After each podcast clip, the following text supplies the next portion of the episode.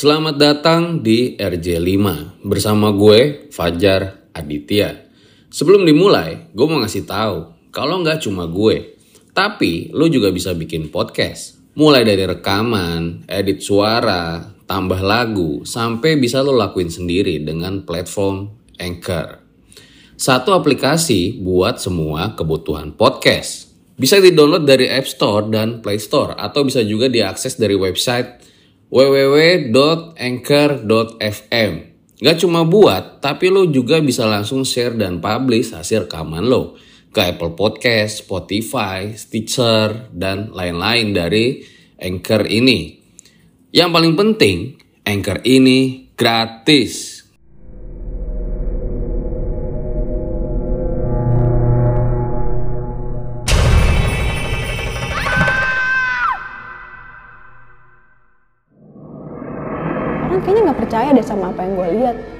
Soalnya gue ngeliatnya sampai ngedangak gini baru dia juga tuh posisinya jongkok kayak gini ke arah gue gedung ya? ya iyalah segede itu juga dia jongkok posisinya kan lagi duduk segede gedung di mana dia berdiri coba saya dimimpiin si genderuwo ini datang ke saya dan intinya kayak ngomong bahwa Teman kamu bersalah. Jangan bawa penghuni lain ke tempat ini.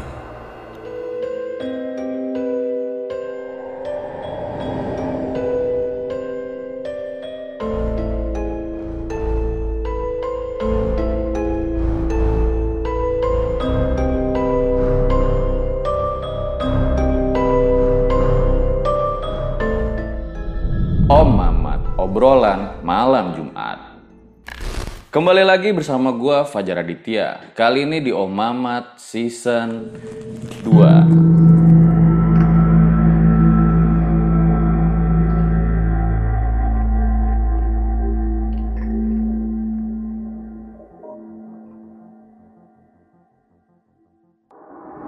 Malam Jumat waktunya sama narasumber. Nah, sekarang di samping gua udah ada salah satu cewek legendaris RJ5 nih. Yang lagi-lagi punya pengalaman horor. Selamat malam Paras. wow Jadi buat kalian yang belum tahu Pars itu siapa, dia dulu pernah datang di RJ5 Om Mamat season 1. Kayaknya lu tuh gak bakal jauh-jauh ya dari pengalaman horor. Kalau gue baca tweet-tweet Twitter lu. ya bener banget Tapi ini unik ya, karena rata-rata, gue bilang rata-rata cewek yang gue kenal, biasa itu kalau cerita masalah percintaan mereka, kebucinan, atau sometimes tentang rahasia-rahasia mereka gitulah. Dan bahkan beberapa itu nggak mau sama sekali ketika diajak bicara horor. Jadi kayak dianggap tabu gitulah, karena mungkin mereka takut atau gimana gue nggak ngerti.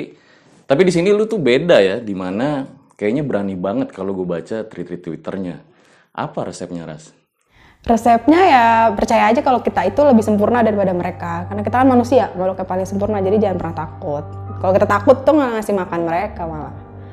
Ngasih makan ya? iya ngasih makan mereka dengan rasa takut kita. Jadi mereka jadi seneng kan jadi wih lucu nih ditakutin lari-lari lucu nih ngeliat dia ngibrit-ngibrit. Ngapain gitu? Hadepin aja. Gue denger jawaban lu jadi serem sih. di sini kan kali ini lu mengalami pengalaman horor saat di hotel ya. Apa yang lo rasakan saat itu?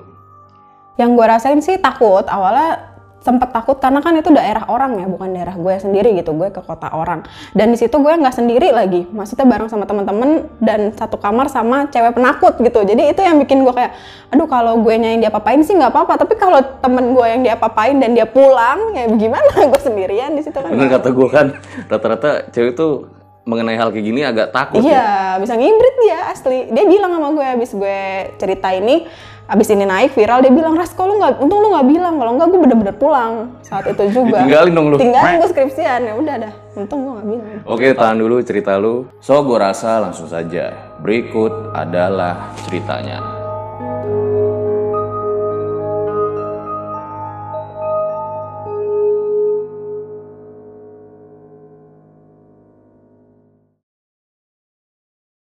Nah, jadi pengalaman ini gue alamin pas gue lagi eh, ada proyek skripsian sama dosen gue di Karawang. Eh, Waktu itu kita planning untuk stay 10 hari di sana. Jadi 8 hari kita percobaan sampling sampah, dua harinya tuh yang pergi dan pulangnya gitu. Em, di sana kita stay di salah satu hotel di Karawang eh, yang eh, posisinya lumayan ya nggak dibilang jauh sih enggak, dibilang deket juga enggak sama perumahan tempat gue harus sampling lokasi penelitian gue. Nah perumahan itu dia eh, deket sama salah satu sungai di kota Karawang. Karena memang pada saat itu kita mau skripsian tentang eh, pengaruh sampah dari perilaku eh, masyarakat di bantaran sungai. Dan kita lagi mau eh, searching soal itu. Hari pertama sih oke-oke aja. Karena pas kita baru datang kita nggak langsung ke tempat penelitian tapi kita rapi-rapi barang-barang dulu di hotel. Kita kayak eh, wah ini kamar hotel. Saya saya tidur sini saya tidur sini. Jadi kita lagi nentuin eh, layout dan segala macam Berapa orang pada saat empat itu? empat orang. Nah kita di sana berempat dua cowok dua cewek. Kamarnya dipisah jadi dua cewek satu kamar dua cowok satu kamar. Dan suasana hotelnya pada saat itu rame apa hanya lu doang yang gini? sepi sepi.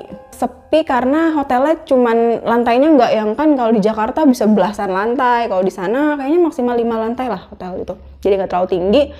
Oke jadi layout kamar gue ini eh, gue ada di lantai dua dan kita ada di eh, ujung dari koridor lantai dua jadi kalau kita mau ke kamar gue tuh dari tangga kita lurus dulu sampai ke ujung baru tuh nyampe di kamar gue dan kamar teman gue Bener di ujung ya? benar-benar di ujung.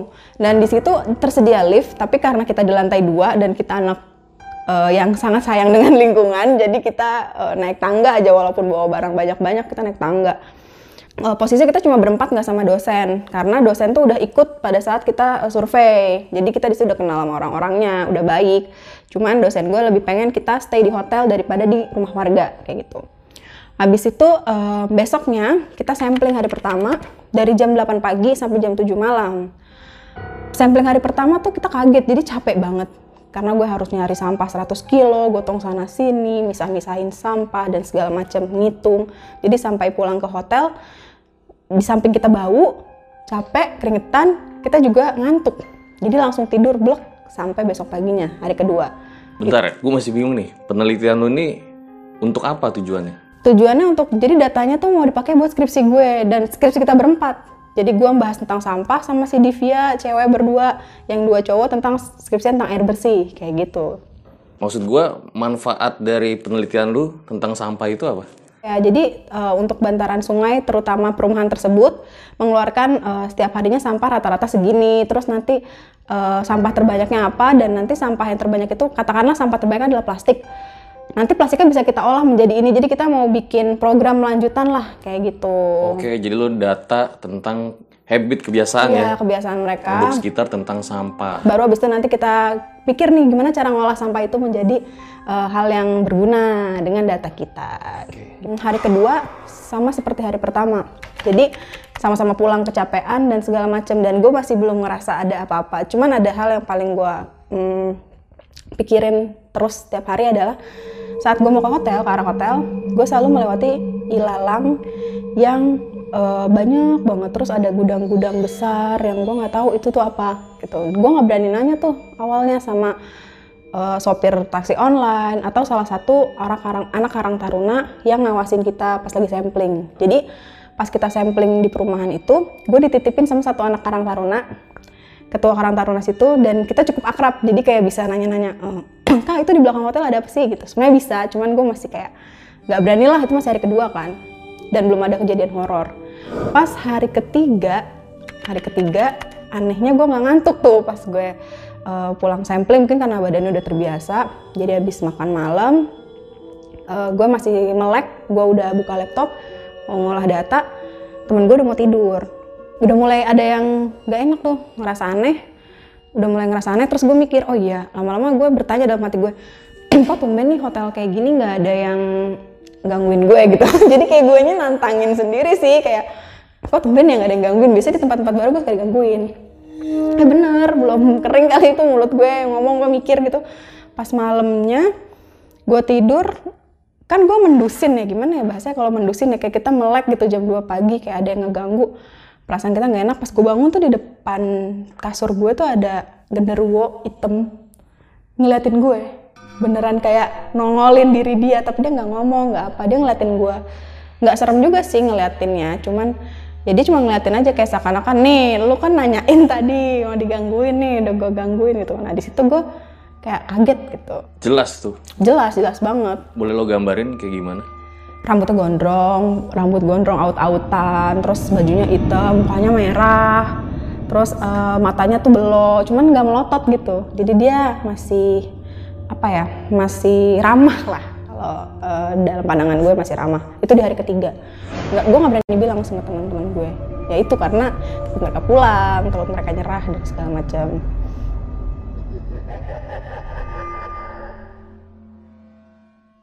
Lanjut ke hari keempat. Nah, di hari keempat ini kita pulang seperti biasa, sampling dari pagi sampai sore. Cuman ada yang beda di hari keempat ini. Di hari keempat ini, em, teman gue melakukan satu kesalahan. Jadi kan kalau maghrib kita itu jadwalnya membersihkan bekas sampahnya. Sedangkan kan kita udah tahu nih sampah itu kan kotor, mengundang banyak makhluk-makhluk lain kan karena itu bau dan segala macam. Sehingga setiap maghrib kalau udah kelar nimbang-nimbang 100 kilo, kita bersihin tuh kita sikat, kita sabunin terpal tempat kita naro. Ada satu temen gue namanya Munif, dia cowok. Eh, jadi layout tempat kita milah sampah ini di lapangan bola. Di lapangan bola ada pos rondanya, terus ada ayunan, ayunan anak kecil, tapi bisa dinaikin sama orang dewasa. Terus ke sananya itu ada sungai, sungai beserta jalan setapak. Maghrib-maghrib kan sebenarnya kalau kita percaya pamali ya, mag- maghrib-maghrib itu kita nggak boleh ngapa-ngapain kan, maksudnya nggak boleh melakukan hal-hal aneh, istilahnya kayak megang pisau, nggak boleh apa, nggak boleh apa. Temen gue ini inisiatifnya tinggi, jadi dia main ayunan. Lagi ajan maghrib, lagi ajan maghrib dia main ayunan. Gue awalnya lagi nyikat-nyikat, gue ngelirik kan, waduh, gue tuh dari awal lagi udah mulai senja, udah mulai jam 5, gue ngeliat ada Mbak Kunti, dia diri di ujung jalan setapak sungai. Gue udah mikir, ah mungkin itu emang orang sungai gitu, maksudnya penghuni sungai yang lagi ngeliatin kita ngapain sih nih anak ngubah-ngubah sampah, bau, bikin kotor. Setelah gue rapihin, dan si Munif ini main ayunan, Mbak itu terbang ke arah ayunan, ke sebelah Munif. Jadi Munif lagi main ayunan, ada Mbak Kuntilanak berdiri tuh terbang ke situ set. Gue udah mulai gak enak. Perasaan gue mengatakan ini kayak bakal ditempelin. Daripada eh, berlanjut dan ketempelan, akhirnya gue eh, bilang ke Munif, Nif jangan main ayunan, lagi maghrib, gue gituin. Dia masih tetap tuh, sekali gue bilangin masih main ayunan, dua kali masih main ayunan, pas ketiga kali akhirnya gue bentak. Gue bentak, gue marah beneran, baru dia berhenti. Kayak, wah berarti bener-bener salah nih kalau gue main ayunan. Berhenti dia main ayunan, gue tetap ngerasa nggak enak karena Mbak Kunti itu nggak balik lagi ke tempatnya. Dia nggak terbang lagi ke ujung sungai itu, tapi dia tetap stay di dekat kita sampling, di dekat kita lagi bersih-bersih. Karena gue bilang sama temen gue, eh cepet-cepet kerjainnya cepet-cepet-cepet. Kenapa Ras? Nggak, cepet aja gitu. Gue nggak mau ngasih tahu alasan kenapa. Akhirnya si Munif itu kayak, kenapa sih? Sorry ya gue gini-gini gini. Enggak, udah nggak apa-apa. Udah nggak apa-apa dah, nggak usah main-main ma- lagi kalau maghrib. Apalagi ayunan itu ya mulai sekarang. Karena kan kita masih ada empat hari lagi kan di situ. Jadi jangan sampai ngeganggu lagi.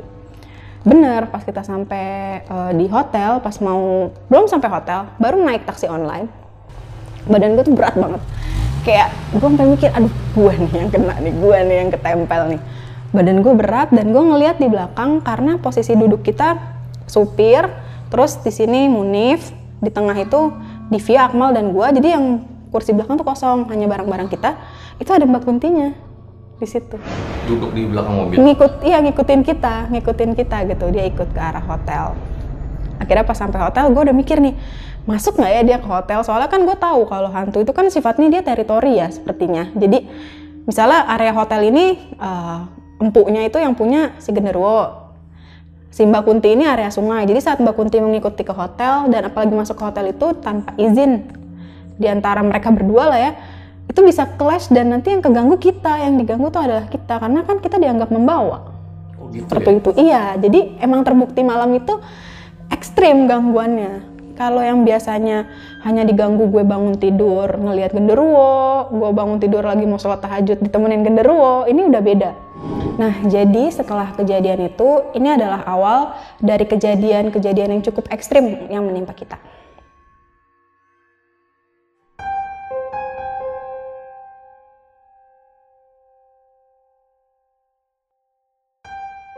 Oh ya Ras, tadi kan lu bilang kuntilanaknya itu terbang dari sungai ke ayunan. itu lo lihat jelas. Ya, gue lihat jelas karena itu kan lapangan bola ya dan nggak ada orang lain selain kita di situ maghrib-maghrib itu. Jadi pada saat dia dari ujung sungai dia terbang gitu dengan gaun-gaun berkibarnya ke ayunan gue udah jelas sampai muka-mukanya. Boleh lo gambarin kayak gimana? ya dia tingginya itu setinggi gue kira-kira lah. Nggak terlalu tinggi. Terus eh, rambutnya panjangnya tuh sampai ke betis ke arah betis gitu hitam kusut seperti yang digambarin di film-film lah kayak gitu cuman dia nggak ada darahnya bersih ya ini cukup nggak bikin takut sih sebenarnya kalau buat gue kalau buat orang sih pasti bikin takut Oke, balik lagi ke malam setelah kuntilanak itu ngikutin kita ke hotel. Jadi eh, pada saat gua di sampai di hotel, kita langsung ke kamar masing-masing dan siap-siap untuk makan malam bareng dan kita mau main kartu ceritanya di kamar yang cowok. Pas eh, malam itu kita udah ngumpul nih berempat ceritanya makannya udah, terus kita ngumpul berempat dalam kamar. Kita tuh selalu terbiasa setiap habis sampling kita selalu minum susu untuk netralisir. Karena kan kita samplingnya dengan sampah dan air-air uh, buangan. Jadi uh, itu racun. Jadi kita harus netralisir dengan susu. Susunya itu kebetulan disimpan di kulkas di kamar gue. Karena kita udah berempat ngumpul di kamar yang cowok salah satu gue suruh deh eh Munib ambilin dong susunya di kamar gue. Nih gue kasih kunci kamarnya. Pas dia ngambil sendiri ke sana pulang-pulang tuh orang pucet sambil lari sambil ngibrit gitu lah tunggang langgang pucet dia. Nah kenapa lo gitu kan kita udah mulai kalau gue sih udah tahu nih pasti kaitannya ke mana. Tapi yang kaget tuh yang dua orang lain. Kenapa nih kenapa nih gitu? Duh gue diliatin gitu gue di, ditunjukin ini nih aduh serem banget ras ras ras ras. Dia langsung refer ke gue karena dia tahu kan gue cukup peka sama hal begituan Tunjukin apa? jadi pada saat dia ngambil susu, kebetulan kulkasnya itu kulkas yang satu pintu bawah, jadi kan jongkok. Dan itu posisinya di depan pintu kamar persis. Jadi saat dia ngambil susu, itu ada yang berdiri ternyata di pintu. Di pintu yang masih kebuka itu berdiri, diliatin sama genderuwo hitam itu yang biasanya ngeliatin gue kalau tidur.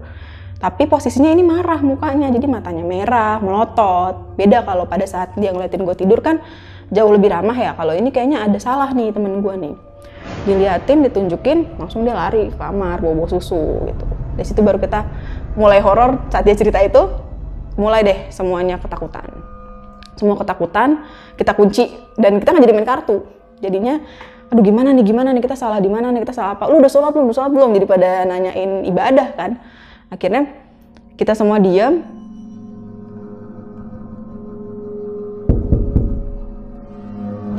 terus ada yang ngetok-ngetok. Ada yang ngetok-ngetok dari eh, pertama pintu. Pintu kamar cowok-cowok ini. Logikanya jam setengah 8 malam jam 8 lah itu. Kayaknya untuk cleaning service nggak mungkin deh. Ayo ah coba lihat. Diintip dari bolongan pintu kan. Nggak ada siapa-siapa. Udah makin takut lagi semuanya tuh. Gua udah udah baca udah zikir zikir ayat kursi kayak apa zikir zikir yang lu bisa.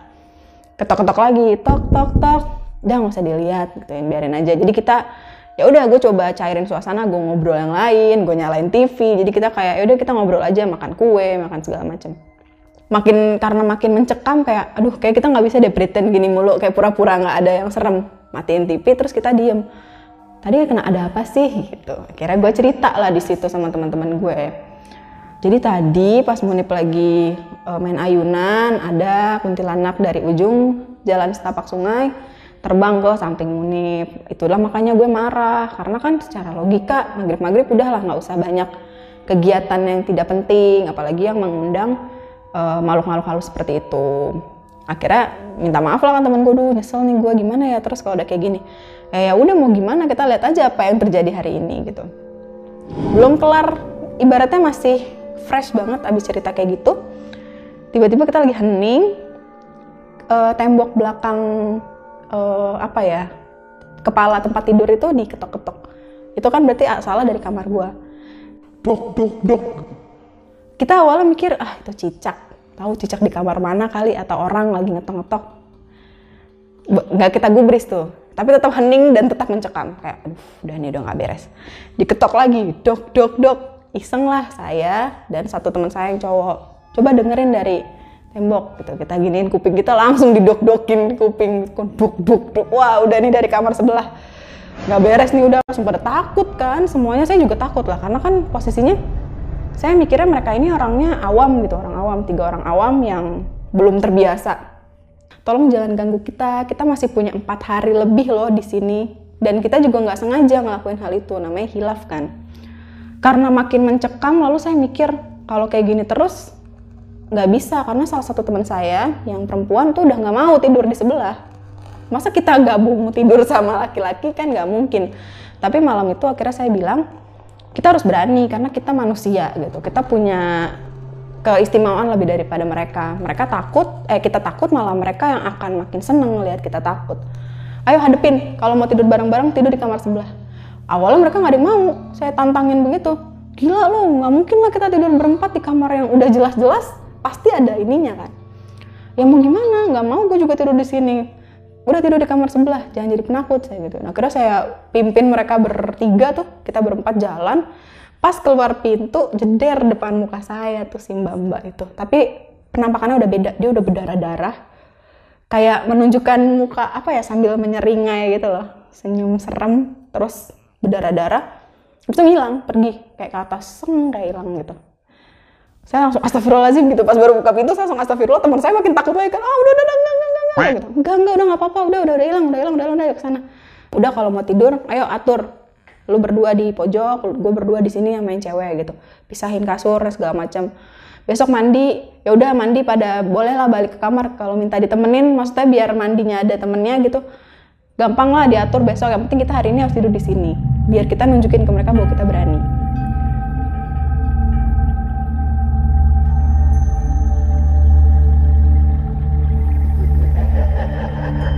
setelah itu malamnya pas lagi tidur saya dimimpiin. Saya dimimpiin si genderuwo ini datang ke saya dan intinya kayak ngomong bahwa Teman kamu bersalah. Jangan bawa penghuni lain ke tempat ini. ya saya mau nggak mau di situ minta maaf. Saya yang minta maaf itu. Karena saya tahu kapasitas teman-teman saya tidak sampai ke sana dan alhamdulillahnya besoknya kita udah beraktivitas seperti biasa sih. Itu kejadian ekstrim yang dialamin pertama lah sama teman-teman saya dan di situ. Setelah itu jadi rutin kejadiannya tapi bukan kejadian saya ekstrim itu tapi lebih kepada kalau lagi lewat koridor ada bayangan hitam lewat. Atau ada bayangan hitam yang menemani kita melewati koridor. Atau ada kejadian ketok-ketok pintu apart- eh, ketok-ketok pintu hotel lagi kayak Dan gitu itu tuh pasti ada. Semua teman-teman lu ngalamin. ngalamin.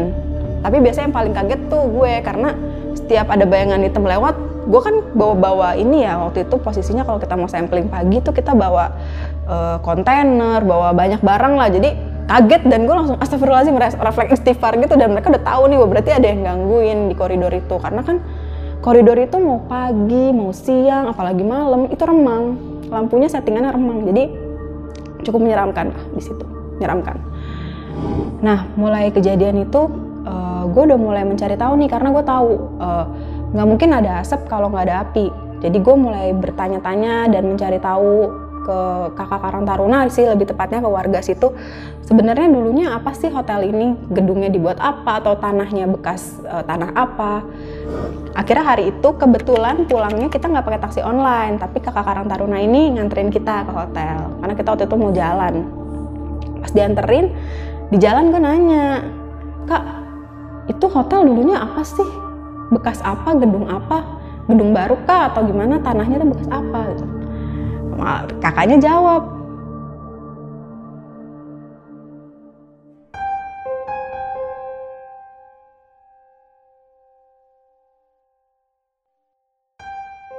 Nah, di hari kelima inilah gue jadi tahu nih asal usul hotel ini seperti apa.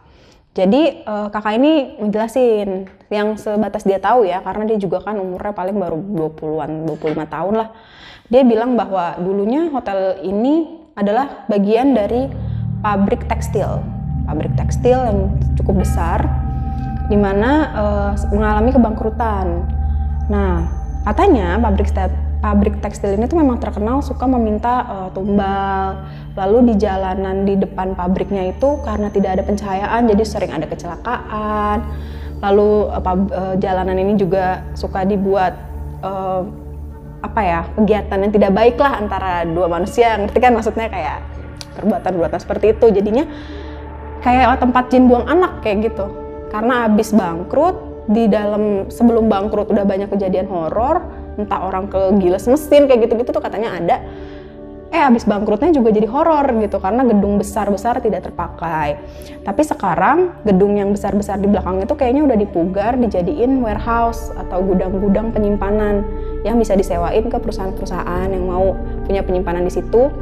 Sama untuk eh, bagian front office pabriknya itu diubah jadi hotel gitu. Jadi masih gedung asli, cuman ditambahin dikit lah kayak misalnya yang tadinya bentuknya lurus sekarang jadi L kayak gitu ditambahin. Tapi sebenarnya bangunannya masih bangunan asli pabrik yang lama, bangunan hotel itu. Tapi udah direnov kan, maksudnya nggak kayak bangunan lama gitu. Enggak, udah ya udah di, udah direnov kayak ditambahin fasad, ditambahin wallpaper segala macam. Cuman kan pondasinya dan segala macamnya kan masih asli, jadi mungkin masih menyimpan memori-memori tertentu lah di situ. Nah akhirnya setelah gue tahu itu, gue searching juga kan dikasih tahu nama perusahaannya kan, jadi gue coba searching di Google, oh iya bener, memang eh, pabrik ini salah satu yang cukup horor lah di Karawang.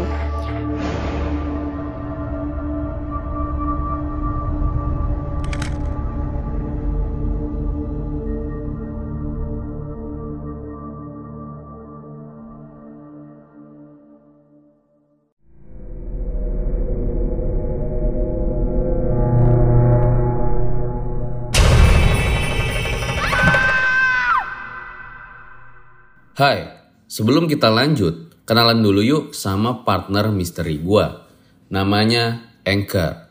Anchor ini adalah all-in-one podcast editing platform yang membuat gue lebih mudah untuk rekaman, edit suara, tambah lagu, dan segala hal dalam pembuatan podcast yang sedang kamu dengerin kali ini. Anchor bisa membantu kamu bikin podcast kamu sendiri. Caranya tinggal download dari App Store dan Play Store atau bisa juga diakses di www.anchor.fm. Jadi buruan download Anchor sekarang.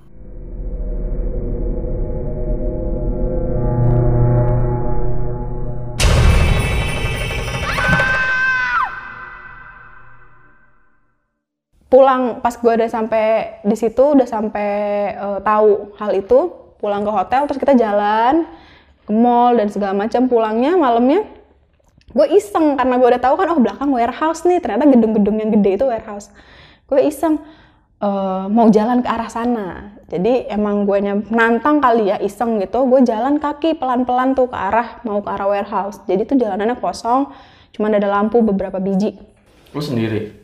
sendiri lah teman-teman gue gak ada yang mau teman-teman gue gak ada yang berani. Cuman dia ngeliatin dari lobby hotel. Dia ngeliatin dari depan kita diturunin mobil tuh ya parkiran. Udah gue bentar doang kok liatin ya.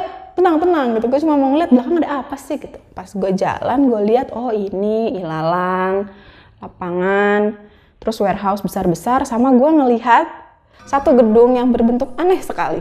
Jadi gue ngeliat ada satu gedung. Bukan gedung ya gue ngeliatnya siluet karena kan tuh malam. Jadi gue ngeliat siluet di saat yang lain bentuknya seperti kubah, seperti kotak gitu, kotak-kotak besar. Kok eh, siluet ini bentuknya seperti orang gendut lagi duduk gitu. Kebayang gak sih orang gendut lagi jongkok, lagi ngejogrok gitu. Kayak semar besar sege- segede gedung. Jadi saat gue membandingkan kan dari jauh, kan gue matanya minus ya. Jadi gue memicingkan mata gitu terus gue kayak ini orang tapi kok gedenya sama kayak warehouse sebelah ya gitu. Ah nggak kali ini pohon. Gue udah mikirnya entah itu pohon beringin atau pohon apa yang bisa segede gitu kan ya udahlah. Udah tuh terus gue balik lagi. Terus gue bilang sama teman-teman gue udah udah udah nggak penasaran kok udah yuk naik ke atas. Pas gue naik ke atas gue nggak nggak sadar tuh ternyata eh, hal yang gue lakukan tadi itu membawa petaka buat gue sendiri. Jadi pada saat malam gue tidur gue dimimpiin lah didatengin tuh. Sama si hantu yang gede banget ini. Dia tuh botak, taringnya panjang banget. Jadi kalau misalnya gue gambarin juga orang kayaknya nggak percaya deh sama apa yang gue lihat. Soalnya gue ngeliatnya sampai ngedangak gini baru dia juga tuh posisinya jongkok kayak gini ke arah gue. Gedung ya? Ya iyalah segede itu juga dia jongkok posisinya kan lagi duduk segede gedung di mana dia berdiri coba.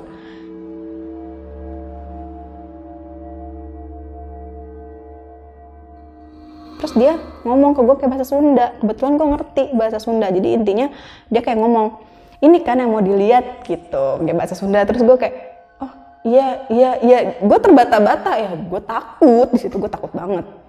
Gue takutnya digangguin. Masalahnya digangguin genderuwo kemarin aja sama kuntilanak. Udah ekstrim. Apalagi ini digoyang kali gedung hotel kan. Jadi akhirnya eh, saya coba gue coba kayak iya maaf ya udah udah nggak penasaran lagi udah terus dia pergi terus udah hilang kayak gitu di situ besok paginya gue penasaran itu ada pohonnya atau enggak? Eh bener nggak ada apa-apa. Jadi di sebelah gedung yang gue lihat kosong. Jadi semalam siluet apa ya? Itu siluet dia. Jadi kayak rajanya mungkin di situ ya jadi nggak ada yang berani iniin. Malam malam itu kan berarti hari kelima kemarin kan? Hari keenamnya gue coba jalan lagi ke arah situ dan melihat apakah masih ada siluet itu. Gue coba jalan siluetnya udah nggak ada udah nggak ada. Jadi dia ibaratnya kayak cuman mau ngasih lihat ini gue gitu. Ini gue yang punya di sini. Tapi pada saat gue balik jalan ke arah hotel ada pala ngegelinding ini yang gue nggak cerita ke teman-teman gue. Pala manusia ngegelinding gitu di jalan gunung-gunung kan gue awalnya nggak ngelihat awalnya cuma denger kayak brrrr, kayak gitu loh kayak di aspal kayak ada orang jalan apa ngegelinding gue mikir ini apaan ya? Kan gue belum pernah nih posisinya ngeliat pala gelinding dari dulu pas gue cari sumber suaranya iya pala ngegelinding tuh di jalan ke arah selokan. Kok gue bingung ini pala dari mana datangnya terus badannya mana? Kayaknya emang nggak boleh bertanya dalam hati jadi pas gue masuk pintu hotel eh badannya di depan gue tanpa kepala jadi tuh darah darah aja keluar dari sini dari leher. Bajunya compang camping gue nggak tahu itu apa. Terus eh, di saat yang sama juga kan gue ibaratnya habis pulang sampling jam 7 malam gue coba jalan mau ngeliat siluet terus gue balik lagi terus mandi kan ke atas ke hotel. Kita persiapan makan malam. Gue pas mau makan itu gue jalan ke arah depan hotel nyari makanan di luar. Pas gue nyari makanan di luar gue tuh harus ngelewatin jalan masuk hotel terus ada pos satpam dan kita jalan di pedestrian di tempat jalan kaki yang banyak pohon palem-palem besar. Itu baunya amis banget dan yang nyium itu setahu seinget gue ya itu bukan gue doang tapi mereka teman gue yang lain juga nyium bau amisnya tapi nggak ngelihat wujudnya. Gue sampai mikir tuh dalam hati kalau misalnya baunya amis biasanya wujudnya pasti berdarah-darah karena kan yang bau amis tuh darah kan? Anyir gue ngeliat ada cewek berdiri cewek lagi hamil terus dari pahanya dari sini keluar apa ada darah gitu loh ke bawah. Entah dia proses melahirkan atau dia keguguran gue nggak paham tapi perutnya masih agak masih gendut. Dan dia mukanya tuh kasihan banget. Maksudnya gue ngeliat mukanya tuh ya Allah ini kasihan banget nih kenapa sih si ibu ini? Gitu ada masalah apa? Gitu. Tapi ya gue tetap melengos aja lewat aja cuman misi bu misi gitu sama teman-teman. Karena kita mau makan kan. Takutnya kalau gue ceritain ke teman-teman gue ngebayanginnya malah enak malah nggak mau makan dan segala macem itu sih yang gue belum ceritain ke teman-teman gue tentang eh, penampakan di luar hotel. Sama akhirnya gue tahu bahwa memang selain di area hotel dan area pergudangan jalan kan tadi kan gue udah cerita jalan di depan hotel itu yang mau ke arah perumahan eh, lampunya minim jadi banyak ada kecelakaan. Eh, dan juga eh, banyak terjadi hal-hal tidak senonoh lah di situ. Itu juga gue melihat setelah gue tahu kenyataan itu setiap gue pulang sampling naik taksi online gue pasti melihat di kanan kiri jalanan itu ada eh, bekas-bekas orang yang inilah yang meninggal di area situ. Jadi kayak mereka di pinggir jalan. Misalnya kecelakaan mukanya beset-beset ya itu gue ngeliat gitu. Gue ngeliat posisinya. Atau ada yang tangannya nggak ada entah mungkin dulu pas lagi di pabrik kegiles mesin atau kayak gimana itu gue ngeliat. Jadi kayak melihat memori-memori zaman dulu lah. Itu sih paling cerita-cerita di sana. Dan setelahnya lu pulang aja udah. Nggak ada kejadian apa apa lagi. yang ekstrimnya nggak ada. Belum nggak ada lagi. Yang puncaknya yang waktu hari keempat itu. Cuman ya ya itu. Udah kayak jatuhnya kejadiannya tetap ada ngetok-ngetok pintu aja itu aja sih. Paling dirasain gue jatuhnya gue udah kayak terbiasa jadi ya udahlah kan kita juga cuma 10 hari di situ. Ibaratnya kita juga cuma tamu. Jadi gue nggak mau terlalu berlarut-larut. Udah cepet-cepet pulang deh biar cepet pulang gitu. Pengen cepet-cepet pulang aja dari situ. Oke. Jadi setelah pulang semuanya udah normal-normal lagi ya. normal lagi eh, sampai kemarin. Cerita ini kan diangkat tuh di Twitter maksudnya viral.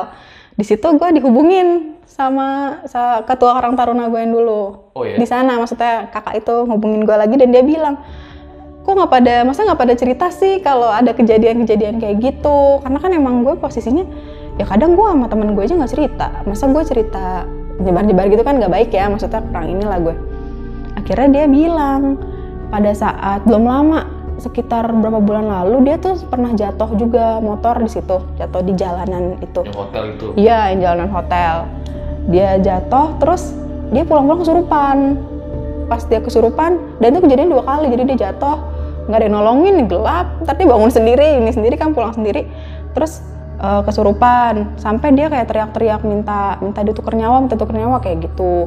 Akhirnya dibilangin sama Ustadz, dia manggil Ustadz ke rumahnya, katanya itu eh, Mbak Kunti, kuntilanaknya merah, dibawa dari jalanan situ, dari si pabrik itu dulunya gitu.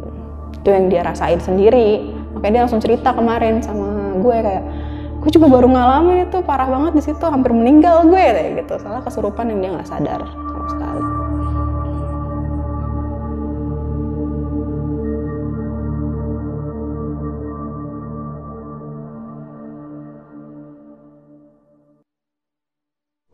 Itu dia guys, sebuah kisah yang luar biasa sekali dari Paras ketika menginap 10 hari di Hotel Bintang 7. Tapi sebelum gua akhiri, ada beberapa pertanyaan nih yang pengen gue tanyain sama lu Ras. Jadi penelitian lu pada saat itu kayak ngumpul-ngumpulin sampah gitu ya dari warga, terus lu pisah-pisah. Mm-mm, Jadi intinya kita ngumpulin sampah warga, kita pisahin sesuai kategorinya yang udah kita setting dari kampus. Terus habis itu kita hitung berapa per kategori itu berapa kilo. Habis itu kita eh, kumpulin lagi, terus kita taruh di polybag untuk diangkut sama dinas terkait gitu. Sampah apa yang paling bukan menggelikan lah yang lu temuin? Sampah yang gue kaget sih ada di eh, tempat sampah warga itu, eh, contohnya seperti pembalut yang masih ada kotorannya, maksudnya gitu ya. Pembalut yang masih kotor. Masih basah gitu? Iya, masih. Masalah itu kan bukan air ya, itu kan adalah darah gitu. Pegang tuh ya. ya mau gimana harus diambil dipisahin dan segala macam ya kita ambil. Terus ada juga pampers yang dengan isinya isinya juga bukan air kecil ya tapi isi hasil BAB anak kecil. Terus ada sampah-sampah busuk makanan busuk yang sudah banyak belatungnya. Jadi udah biasalah ketemu sama Makanya Bella. wajar ketika Wajar.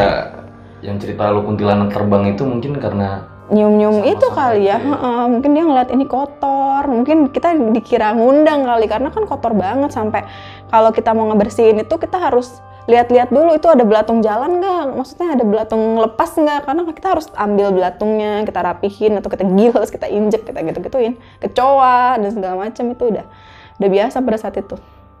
Tapi setelah lu dan teman-teman ngalamin gangguan-gangguan ya ketika menginap Mm-hmm. 10 hari di hotel tersebut, kerjaan lu semua selesai kan?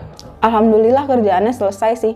Alhamdulillahnya mereka mengganggu di pasca sampling kayak misalnya udah pulang ke hotel atau saat di eh, tempat eh, kita penelitian tuh lagi saat bersih-bersih. Jadi mereka nggak ganggu pas kita lagi ngitung data atau ada set milah-milah gitu mereka nggak ganggu. Mungkin dia kasihan juga kali ngeliat kita.